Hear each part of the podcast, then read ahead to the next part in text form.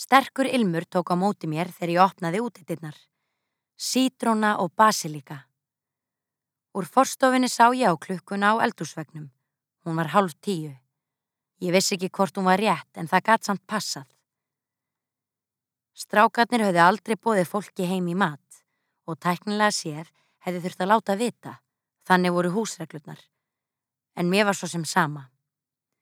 Ég ætlaði bara að læðast inn gangin, fram hjá eldúsinu, upp stegan, bursta tennurnar, þóa mér maskaran, leggjast í rúmið, stinga símanum í hlæðslu, horfa á kaktusana í glukkakistunni og sopna. Ég lagði útidirahurðina varlega að stöfum, heyriði enga rattir, en úr eldúsinu barst ómur af tónlist og vassniður úr krananum. Vonandi nægur háfaði til að yfirknefa brakið í steganum. Þegar ég komað eldústyrjunum heyrði ég bælt hljóð renna saman við eitthvert Coldplay-lag sem streymdi úr lélegu Bluetooth-hátulurunum. Eins og eitthver væri að humma. Ég gægðist inn og sá baksvipin á Tómasi við uppvaskið. Það voru engin ummerki um matarboð, önnur en full skál af pasta sem stóð á eldúsborðinu en lítið hafi verið snert við matnum. Tómas rökk skindilega við, eins og hann hefði fyrir einhverja yfirnáttúrulega krafta skinnjað nærfuru mína. Ég ákvaða að verða fyrir til og heilsaði honum.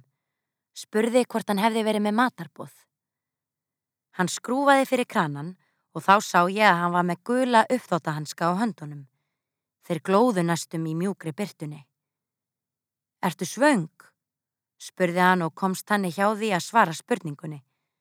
Það er nóg til, bætt hann við. Ég hafði ekki átt von á að hann beði mér að setjast hjá sér. Hinga til hafði ríkt þögult samkomlag okkar á milli um að forðast óþarfa samskipti. Þótt ilmurinn af basilíkunni og sítrónunni hefði íft upp hungrið, afþakkaði ég kurteisislega. Saðist líka þurfa skjótast upp að hlaða síman minn. Ég ætlaði að bjóða góða nótt þegar Tómas greip fram í fyrir mér og spurði hvort ég væri alveg viss. Hann væri með hlæðslutæki hérna niðri. Áður en ég náðu að hugsa upp réttasvarið til að slíta mig úr aðstæðunum, sá ég það sem hlauta hafa verið augljóst allan tíman. Tómas hafði verið að gráta.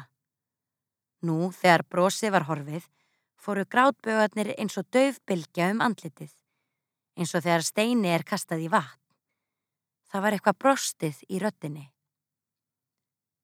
Kanski ég fái bara smá, sagði ég og kom sjálfur mér á óvart með því að vera svona meðvirk. Mér langaði upp í herbergi og vera þar einn þar til þessi ömurlegi dagur var í liðin. En nú tókaði eitthvað í mig að setjast þarna hjá honum.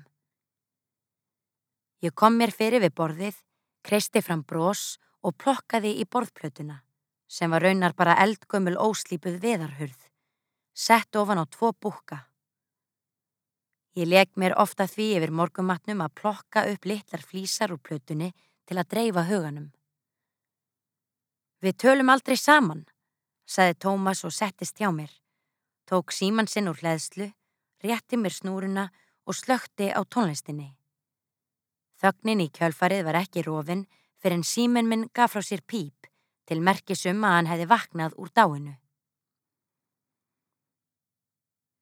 Saðist ekki vera að læra sálfræði? spurði Tómas en mistókst að láta spurninguna hljóma óþvingaða.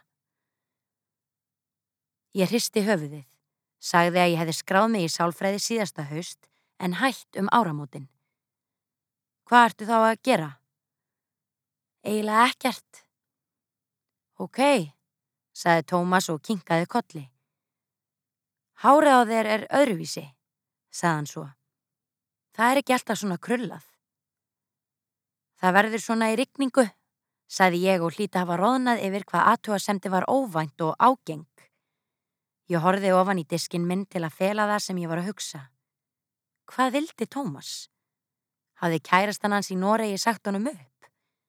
Var þetta hinsta kvöldmáltiðin áður en hann gengi í hafið?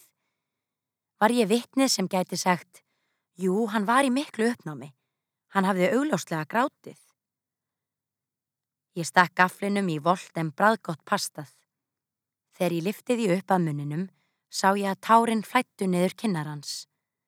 Hann horfið skömmustulegur ofan í borðplötuna eins og hann hefði komið upp um sig. Það var eitthvað svo auðkunarvert við hann að ég varð að líta undan. Horfið þessi stað út um gluggan. Rindi í veggjakrótið á næsta húsi, breyðar svarta línur. Ég fekk aldrei sama orðið út úr þeim. Fyrir gefðu, saði Tómas eftir smá stund og virtist hættur að gráta. Ég ætlaði ekki að neyða matinn ofan í þig. Pastað er mjög gott, sagði ég og bætti í meðverkni við að ég elskaði sítrónur. Ég líka, sagði Tómas og brosti, en það var eins og tárin hefðu temt eitthvað úr augunum. Ég fann hitastíð í kinnunum hækka. Mér langaði ekki til að halda samtalenu gangandi en áðurinn ég vissi hafði ég samt spurt, er allt í lægi? Tómas sög upp í nefið og virtist eitt augnablík ætla að harka af sér. Svo gretan upp úr sér allir sorgar sögunni. Hann hafi fengið símtal frá konu pappasins rétt um kvöldmandaleitið. Pappi hans hafi verið að fara út með ruslið um morgunin heima í Noregi þegar hann neig neður. Kona pappans hafi fyrir tilfylun séð þetta gerast út um eldúsklökan, hlaupið út og pappa hans þá verið orðin blár í framann og greinlega átt erfitt með að anda. Rétt áður en sjúkraflutningamennir komu hafði hann hætt að anda en þeir nóðuðu í hann lífið. Stjúpmóðurinn hafi verið í ofmiklu áfalli til að aðhafast nokkuð. Hún hafi bara hort á hann, alveg stjörf. Þetta er allt mér að kenna, greiðt hún í síman. Á spítalanum var pappanum rúlað beint í myndatökur og rannsóknir. Pappi hefur aldrei reykt, aldrei drukkið, saði Tómas með grátstafinn í kverkunum. Hann var í fyrverandi slökkulismadur, nýkomin á eftirlun. Hefði verið að ljúka við að smíða heitan pott í gardinum eftir einhverju gamalli norskri aðferð. Það hefði tekið hann tvö ár, saði stjúpan. En svo hefði hann farið út með ruslið og hruni niður og nú væri allt búið. Rannsóknirnar hafði leitt í ljós að pappans væri með blóðtappa sem væri staðsettur þannig að blóðflæði til flestra lífara í meldingakerfinu hefði dreyist verulega saman þar til það svo stoppaði alveg. Hann fór beint úr rannsóknunum í aðgerð og þegar læknarnir opniðan kom í ljós að gardinnar voru eins og í manni sem hefði leið í líkistu í nokkra daga. Tómas var hættur að gráta. Það var eins og orði líkista hefði hleyft kulda í augun. Læknanir vonuðu að það litla lífanlega sem fannst myndi taka við sér, saði Tómas. En ég ringdi í sýstu mína. Hún er læknir og hún sagði, pappi er að deyja. Ástandið ávist bara eftir að versna. Pappi minn deyr eftir nokkra daga. Þegar Tómas hafi lokið við frásögnina var byrtan í eldúsinu breytt, orðin gulari dekri. Mér fannst ég skulda honum að segja eitthvað. Mér fannst hann býða eftir að ég segði eitthvað. Þetta er hrikalegt, sagði ég, því mér dætti ekkert skára í hug. Tómas kinkaði kolli og sagðist að hafa panta sér flug klukkan átta í fyrramálið. Hann myndi öruglega að flytja aftur heim til Noregs. Og ég eldaði alla þennan mat, sagði hann og bankaði löst í borðið. Eldaði bara til að dreifa huganum. Við virtum skálina fyrir okkur. Þetta var öruglega meira en kíló af pasta. Þótt það sem hefði komið fyrir pappa hans væri hræðilegt, var samt sefandi að hlusta á hann tala. Allt sem hann sagði var alvarlegt og tilfinningaþrungið og yfirþyrmandi. Það var ekkert sem ég gætt gert. Þetta mál var ekki mínum höndum. Er eitthvað sem ég gett gert? spurði ég samt. Ég bjóstu auðvitað við að Tómas myndi segja eitthvað eins og Nei, en takk samt. En hann klóraði sér í örinu á enninu og virtist hugsa málið. Steg aftur yfir kurtæsislínuna sem hafi rammað inn öll okkar samskipti. Ég fer með flugrútunni klukkan fimm í nótt, sagði hann og ég fann æðarnar í hálsunum tótna út, hægt og rólega. Nún er hún tíu, sagði hann. Það eru rúmir sex klukkutímar þanga til ég þarf að koma mér. Ég veit að ég get ekki sopnað. Og ég veit að ef ég vaki og hugsa um inneblinn í pappa mínum, þá missi ég vitið. Ég get ekki verið einn. Ok, sagði ég, Ef þú vilt eitthvað til að tala við þá veistu af mér. Ég vil ekki tala, sagði hann. Ef ég tala þá sekk ég bara dýbra í tilöksunina um pappa. Allar minningarnar. Núna liggur hann á sjúkrahúsi. Kanski verður hann dáin áður inn í lendi í Oslo. Tómas horfi beðjandi á mig. Augun urðu risastóri í tóftunum. Getur þú ekki talað? spurði hann. Bónin kom flatt upp á mig. Ég veit það ekki, sagði ég. Hvað á ég svo sem að tala um? Mér er sama, ég vil bara hlusta, sagði Tómas. Það er líka eitthvað sorglegt við að búa með annari mannesku í nokkra mánuði en þekkja hann ekki neitt. Mér finnst ég hafa verið einn síðan ég kom frá Nóriði. Kanski er ég búin að vera einn allt mitt líf, á flótta undan einhverju. Ég veit það ekki. Fyrirgefðu, ég ætlaði ekki að vera svona dramatískur. Ég vil bara ekki lengur vera einn með öllu sem er inn í mér. Kanski vil ég bara tengjast annari mannesku áður en pappi minn deyr. Ef þú tala við mig, segir mér frá þér, þá verði allavega ekki jafn einmanna. Ég fann kýtlandi hroll fara um líkamann þegar Tómas sagði þetta. Þótt ég skildi ekki nákvæmlega hvað hann vildi, var eitthvað þau orðana hljóðan sem myndi á hinstu ósk degjandi manns. Það var yfirþyrmandi en líka fallegt að vera treyst. Eftir að bóki mín kom út hafði ég ekki upplifað raunvurlegt tröst frá annari mannesku, en núna talaði þessi hálf ókunnugi maður eins og hann treysti mér fyrir lífi sínu.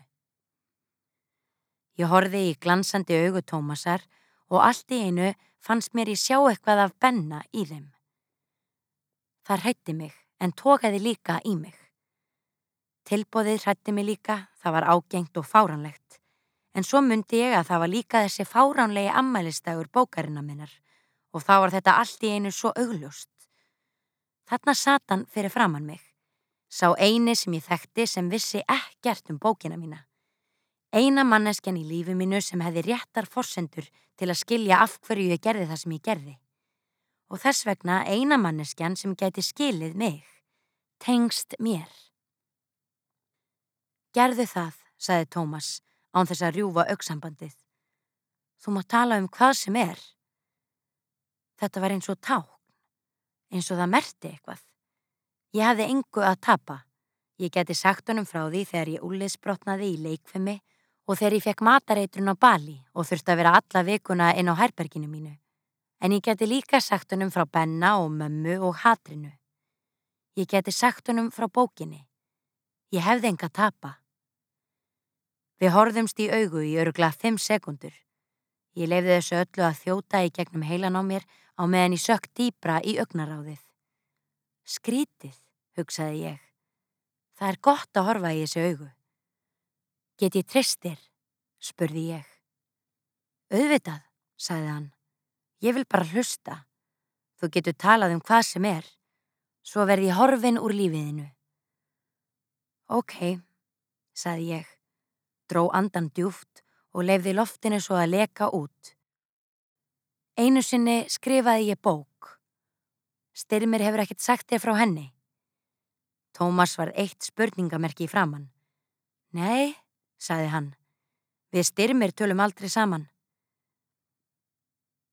Ég gæti þá sagt þér frá bókinni, sagði ég. Í dag er nefnilega eitt ár síðan hún kom út ég veil ekki talað um hana við neitt síðan þá. Eða ég reyndi að tala um hana við eina mannesku, en það var ekki hægt. Af hverju ekki? spurði Tómas. Af því að bókin hafði hræðilegar afliðingar. Það væri auðvitað einfaldast fyrir þig að googla nafni mitt og koma staði um hvað bókin fjallar og mynda þig skoðun út frá því. Það tækiði kannski tvær mínútur. En ef þú vilt skilja af hverju ég skrifaði þessa bók, þá þarf ég að segja þér alla söguna. Ég þarf að segja þér frá því sem gerðist áður en ég skrifaði hana. Við verðum öruglega langt fram á nótt. Það er fullkomið, saði Tómas. Ég vil allra lengstu útgáfuna. Við höfum sex klukkutíma. En ég vil þó byggja þig um eitt í staðin, saði ég. Þegar ég klára söguna vil ég að þú segi mér í hreinskilni hvað þér finnst. Hvað mér finnst um bókina þína? Nei, hvað þið finnst um mig. Viltu að ég dæmi þig? spurði Tómas. Já, ég vil að þú segi mér hvort ég sé góð eða slæm manneskja. Tómas hugsaði sig um. Andlitið var aftur að kyrru vatni. Hann var að jafna sig á uppnáminu. Það er sangjant, sagði hann loks. Þú verður sagbortningurinn og ég verð dómarinn. Ok, sagði ég, en ég verð þá að byrja á byrjuninni.